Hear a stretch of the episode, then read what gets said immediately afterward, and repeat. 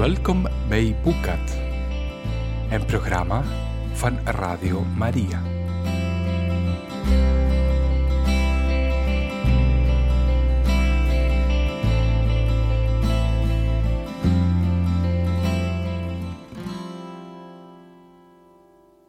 Welkom, beste luisteraars, voor een nieuwe aflevering van Boekat. We lezen vandaag uit het boek van Tessa Afshar, schrijfster aan het Perzische Hof. Darius en ik liepen terug naar het paleis. We wandelden op ons gemakje, beide zonder iets te zeggen. Het beeld van Arash, die zo vol zelfvertrouwen bij Damaspia op de schoot klom, liet me maar niet los. Damaspia was de koningin van Perzië. Maar voor Arash was ze gewoon een lieve tante. Ook toen hij berispt werd, bleef hij vertrouwen op die liefde. Hij wist dat hij in haar armen kon kruipen en er gewenst zou zijn. En hij had zich dan misschien misdragen. Hij wist dat ze zou genieten van zijn dikke zoenen. Arash wist dat hij niet perfect hoefde te zijn om haar gelukkig te maken.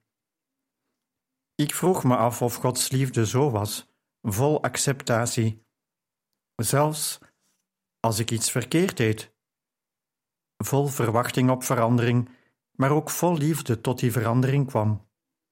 Was hij, net als Damaspia, blij als ik tot hem kwam, zelfs met al mijn zwakheden?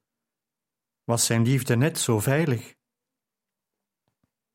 Maar hij was ook heilig en kon mijn zonde niet wegwuiven alsof ze niets voorstelde. Dat was waarom hij zoveel offers had gevraagd van mijn volk. De tempel in Jeruzalem, waar ik nog nooit was geweest, kleurde ooit rood van het bloed van de lammeren en stieren, opdat onze zonden vergeven zouden worden. Jeruzalem, het symbool van Gods liefde voor zijn volk, stond ook voor zijn heiligheid. Ik verlangde ernaar de stad van God te bezoeken aan Hem te offeren, te weten dat elke muur die tussen ons stond afbrokkelde onder Zijn genade. Misschien zou ik dan, net als Arash met zijn tante, naar Hem toe kunnen rennen en Zijn tedere omarming mogen voelen zonder enige schaamte of schuld. Door de nevel van mijn gedachten hoorde ik opeens Darius' stem, luider dan anders. Pas op! Voor ik de kans had te reageren, rende Arash helemaal verdiept in zijn spel, met zijn kleine lijf tegen mij op. Hij overviel me en ik verloor mijn evenwicht, waardoor ik tegen Darius aanbelandde. In een instinctief gebaar sloeg hij zijn armen om me heen, om mij overeind te houden. Maar in plaats van me los te laten toen ik mijn evenwicht had hervonden, drukte hij me steviger tegen zich aan, tot ik tegen zijn borstkast leunde.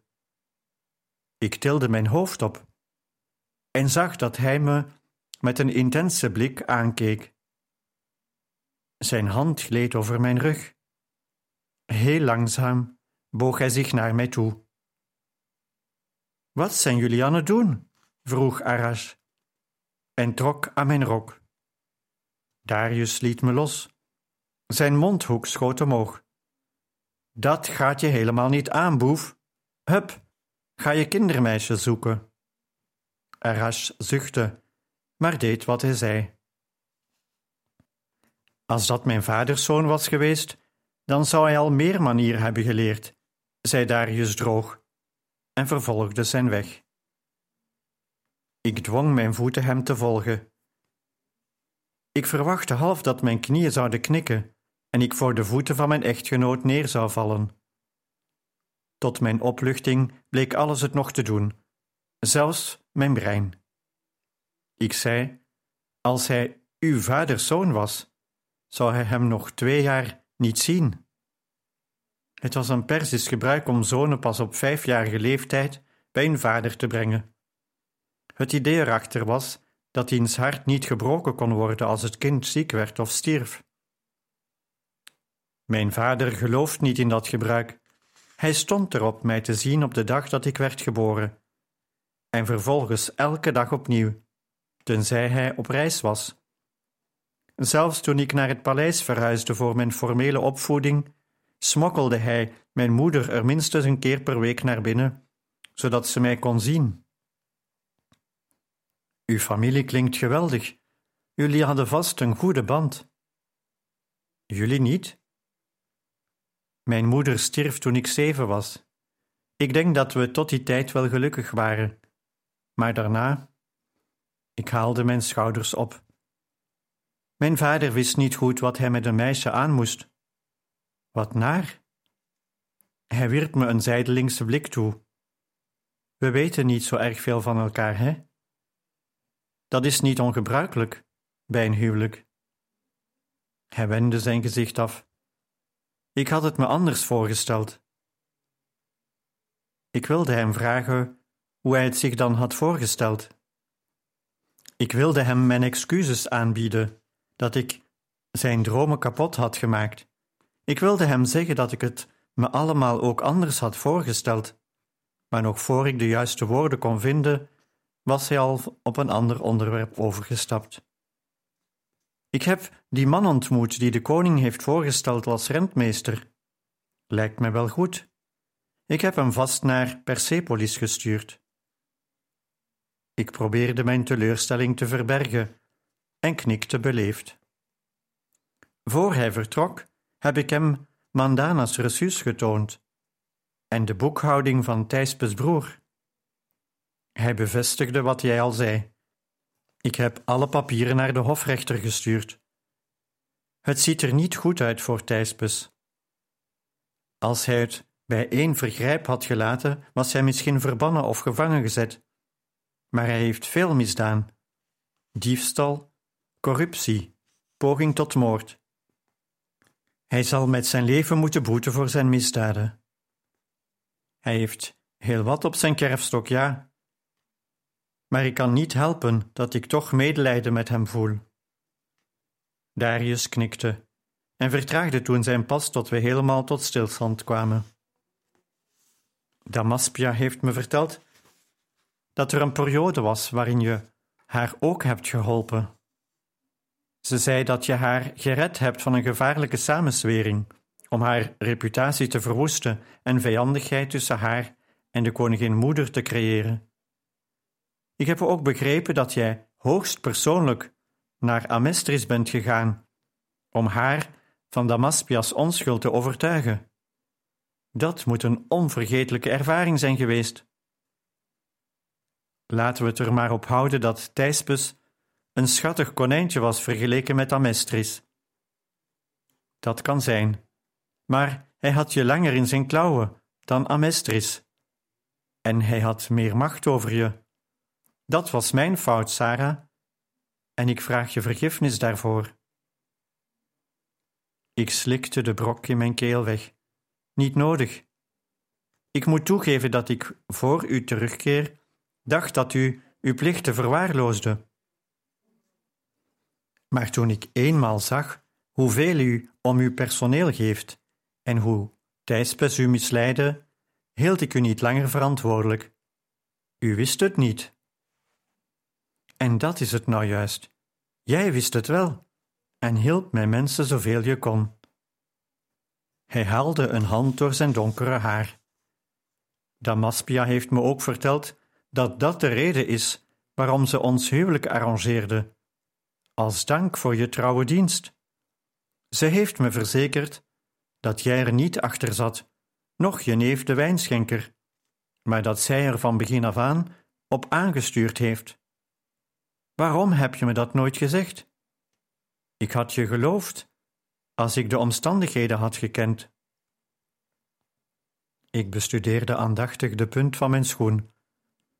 Het was niet aan mij het daarover te hebben. Het was een zaak van Hare Majesteit. Damaspia zei me dat jij er tegen was. Onze bruiloft, was dat jouw manier om het huwelijk tegen te houden? Jij dacht dat als ik jou zag, ik het contract zou verbreken? Mijn hoofd schoot omhoog. Jullie aristocraten krijgen blijkbaar allemaal dezelfde opvoeding. Dat is precies waar Damaspia me van beschuldigde en het is niet waar. Darius ging rechtop zitten. Tussen zijn lippen door zei hij: Sarah, we hebben de kans opnieuw te beginnen. Laten we dat doen door eerlijk te zijn. Ik heb je in de steek gelaten, dat geef ik toe. Ik accepteer mijn aandeel in de mislukking. Doe hetzelfde. Geef toe dat je fout zat, en dan zal ik je vergeven, zoals jij mij vergeeft. Laten we tenminste eerlijkheid delen. Veel meer hebben we immers niet. Daar had je het weer. Hij geloofde de helft van mijn verhaal. Dat was tenminste iets. Maar de andere helft zat hem nog steeds dwars, en hij kon zich er maar niet overheen zetten. Ik geef ook toe dat ik fout zat. Die avond dacht ik in al mijn ellende alleen maar aan mezelf. Hij knikte me aanmoedigend verder te gaan. Ik had niet veel meer te zeggen. Ik kon moeilijk liegen om hem tevreden te stellen. In mijn egoïsme dacht ik, terwijl ik me voorbereidde, niet aan anderen. Het kwam nooit in me op dat mijn handelen jou kon schaden. Ik deed het niet opzettelijk om jou te kwetsen, maar ik was zo druk met mijn eigen gevoelens dat ik God en iedereen om me heen vergat. En ik vroeg niet om hulp. Toen ik dat wel had moeten doen. Darius klemde zijn tanden op elkaar.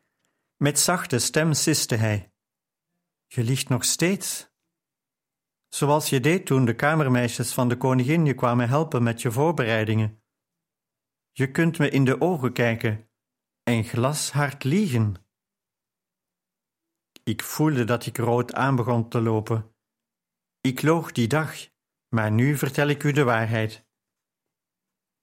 Weet je, ik begrijp waarom je het deed. Geef het toe en ik zal je vergeven. Zie je dan niet dat als jij over een ding liegt, ik wel aan moet nemen dat je ook over andere zaken liegt? Ik zal je nooit helemaal kunnen vertrouwen. De ironie. Om hem te laten geloven dat ik niet loog, moest ik liegen. Ik schudde mijn hoofd, radeloos van verdriet. Mijn man draaide me de rug toe en begon naar het paleis te lopen. Ik wachtte een moment lang, waarna ik achter hem aanschokte. Zou deze kloof van onbegrip en gebrek aan vertrouwen dan nooit worden overbrugd? De koning had Darius uitgenodigd die avond aan zijn tafel.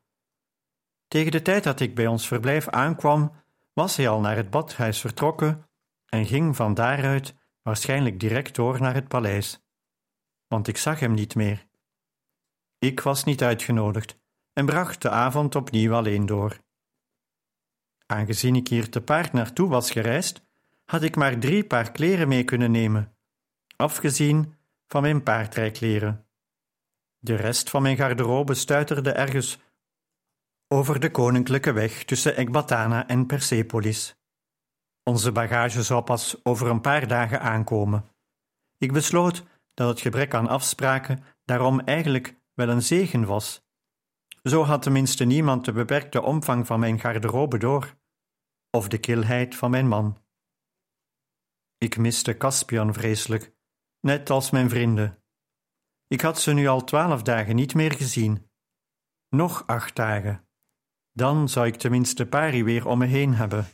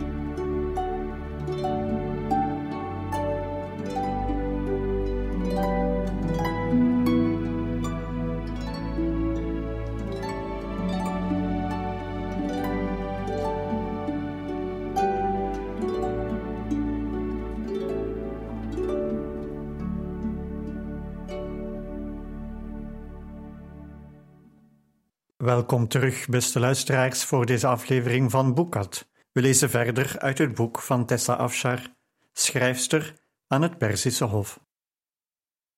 De volgende ochtend ontving ik een uitnodiging van de koningin om met haar en haar vriendinnen te gaan rijden. Ik trok mijn rijkleding aan en stuurde een paleisbediende erop uit om Kidaris te zadelen. Tot mijn grote opluchting was ik Darius' rijinstructies niet vergeten.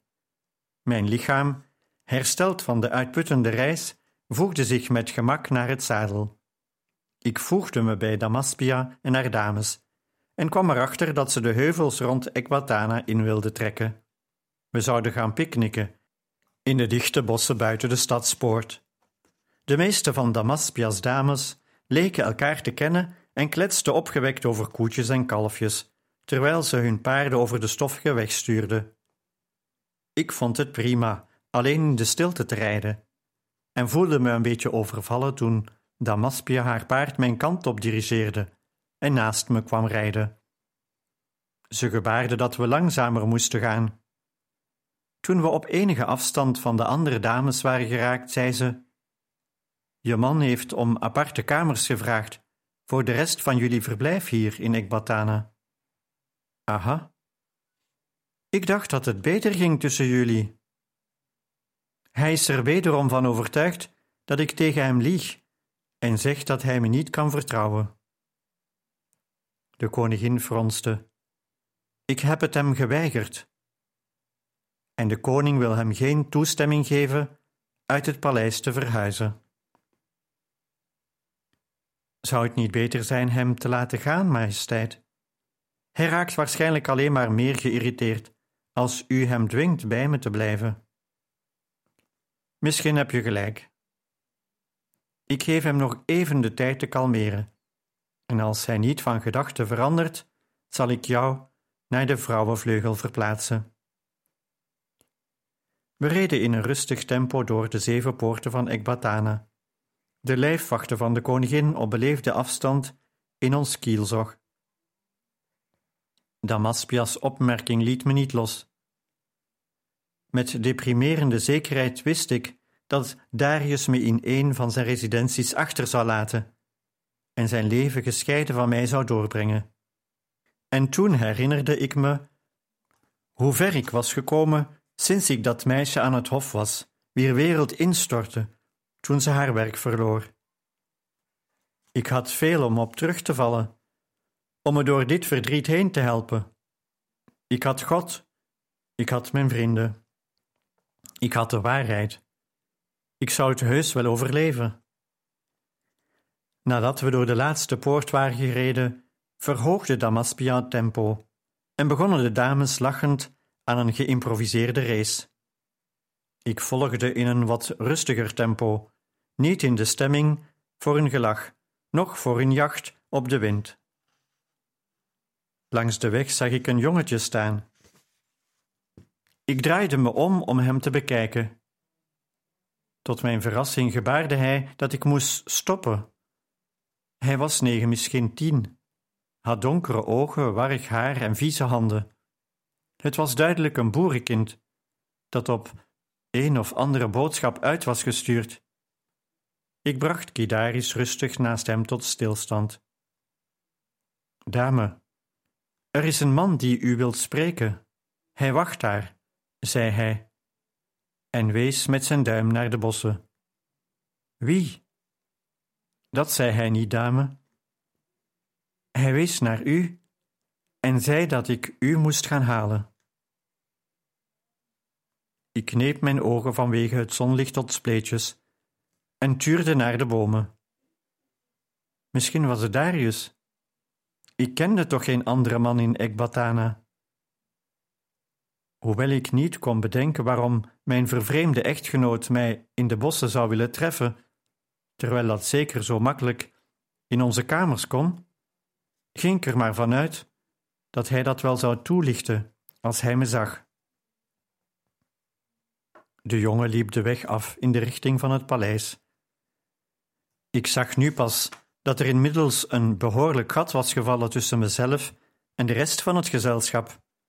Maar ik wilde Darius niet laten wachten en negeerde daarom het nare gevoel in mijn maag en stuurde Kidaris in de richting van de bossen.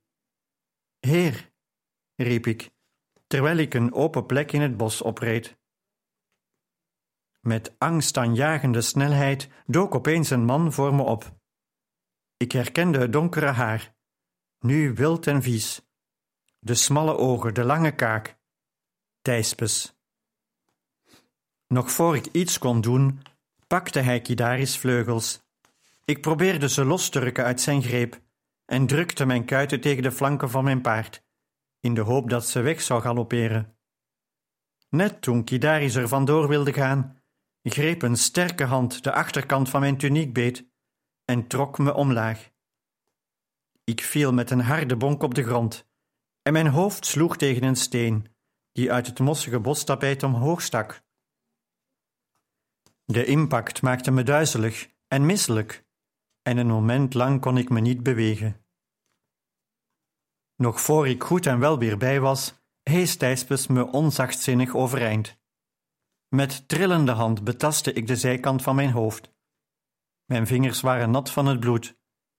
Ik probeerde helder te denken. Wat doe jij hier? vroeg ik, mijn stem beverig van ongeloof en pijn. Ik overwoog te gaan gillen, maar de koningin en haar bewakers zouden al niet meer binnen gehoorsafstand zijn. Hij verstevigde de greep om mijn arm. Ik ben speciaal voor jou gekomen. Jij hebt mijn leven verwoest, dus ik dacht dat ik hetzelfde maar voor jou moest doen. Ik hapte naar adem en begon te worstelen om los te komen. Thijs bestuurde me hardhandig tegen een boom. De ruwe bast moest zeker de helft van de huid van mijn rug af hebben gestroopt, en ik hing als een lappenpop in zijn armen. Ik besefte dat ik te zwak was om me fysiek tegen hem te kunnen weren. Verward door mijn val en het bloedverlies kon ik nauwelijks nog helder denken, laat staan een boef om de tuin leiden.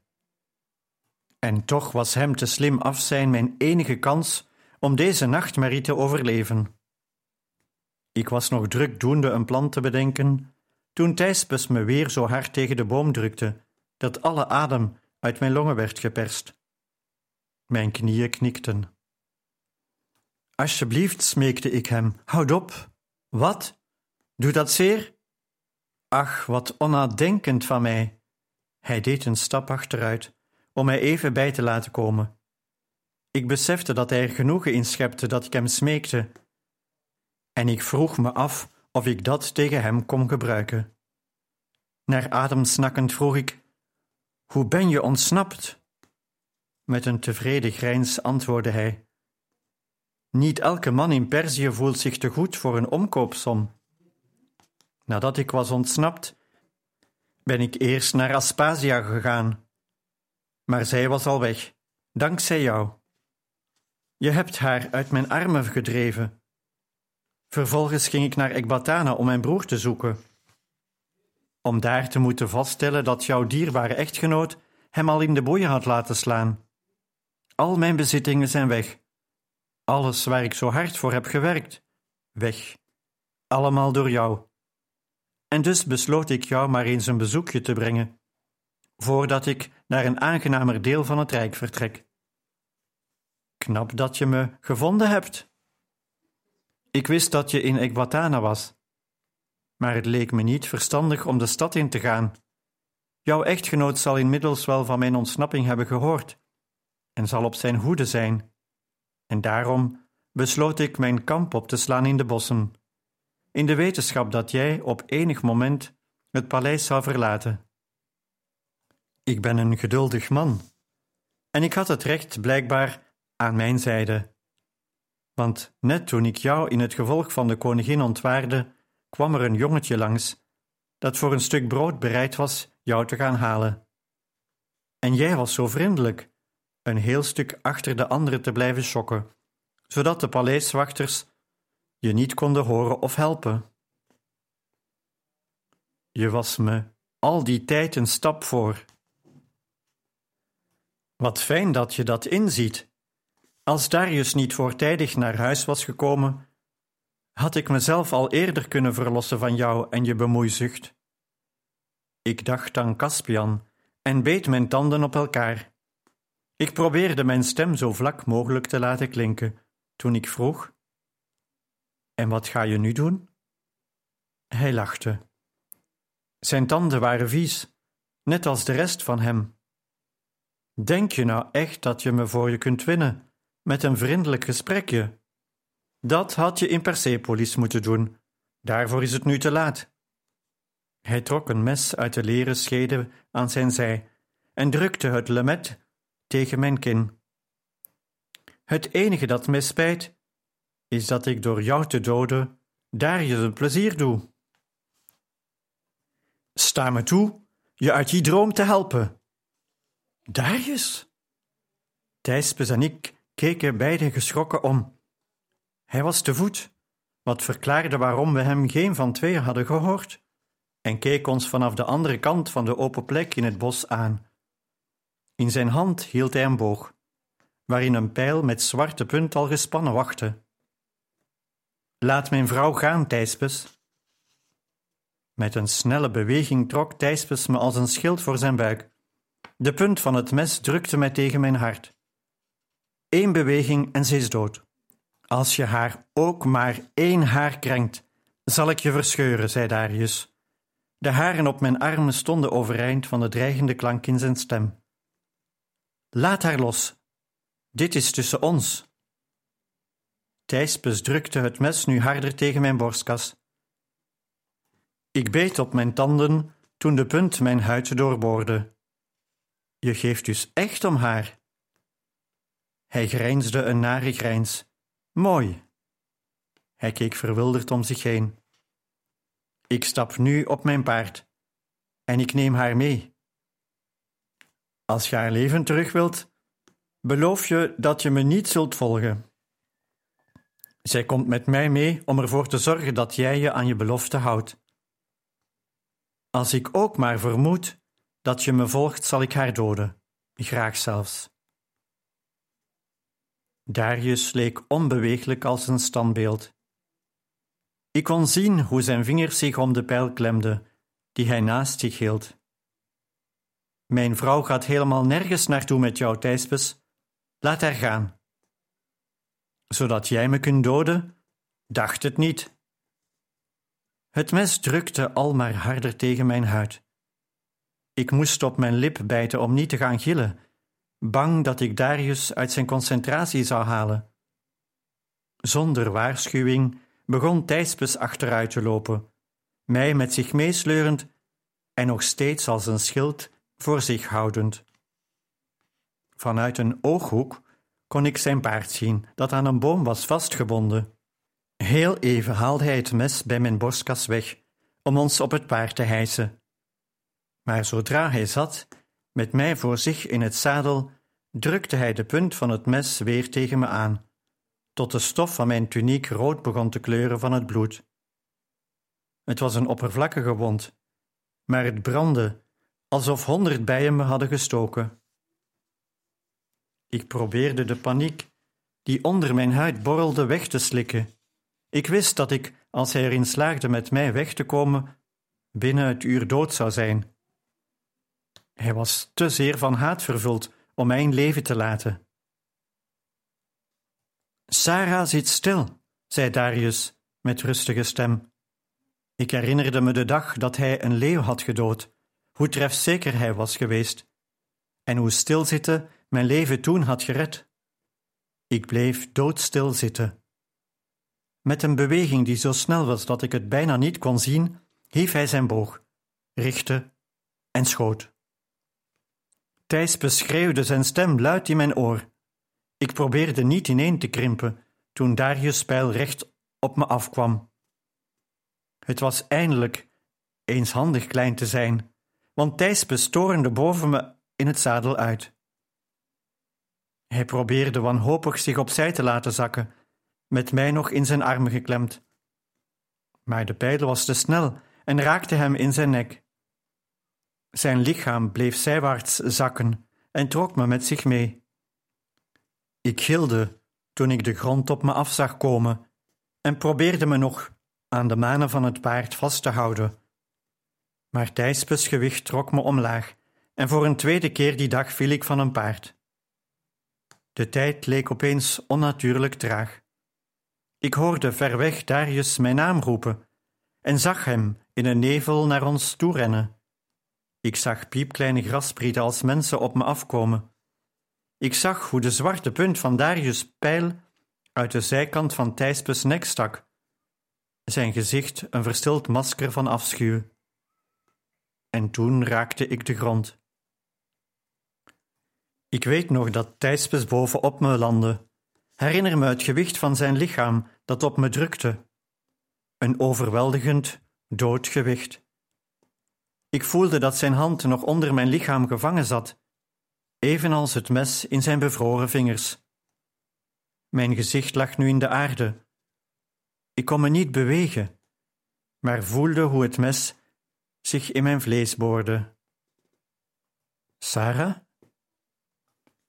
Ik herkende Darius in leergestoken benen toen hij naast me neerknielde. Ik werd verlost van het dode gewicht toen hij Thijspes lichaam wegrolde. Met tedere vingers draaide hij me om. Ik kreunde van de pijn. O, Sarah! Ik moet een vreselijke aanblik hebben geboden, mijn gezicht en hoofd bedekt met aarde en bloed. Een mes dat uit mijn borstkas stak, mijn tuniek gedrenkt in bloed. Met een snelle haal van zijn mes sneed Darius mijn tuniek open en begon zorgvuldig de wond te inspecteren. Zelfs in mijn shock zag ik dat zijn vingers trilden toen hij me aanraakte. Maar ik was te zeer in shock om me te generen. Heb erbarmen, God, heb alsjeblieft erbarmen. Ik ademde diep in en dwong mijn mond woorden te vormen. Ga ik dood?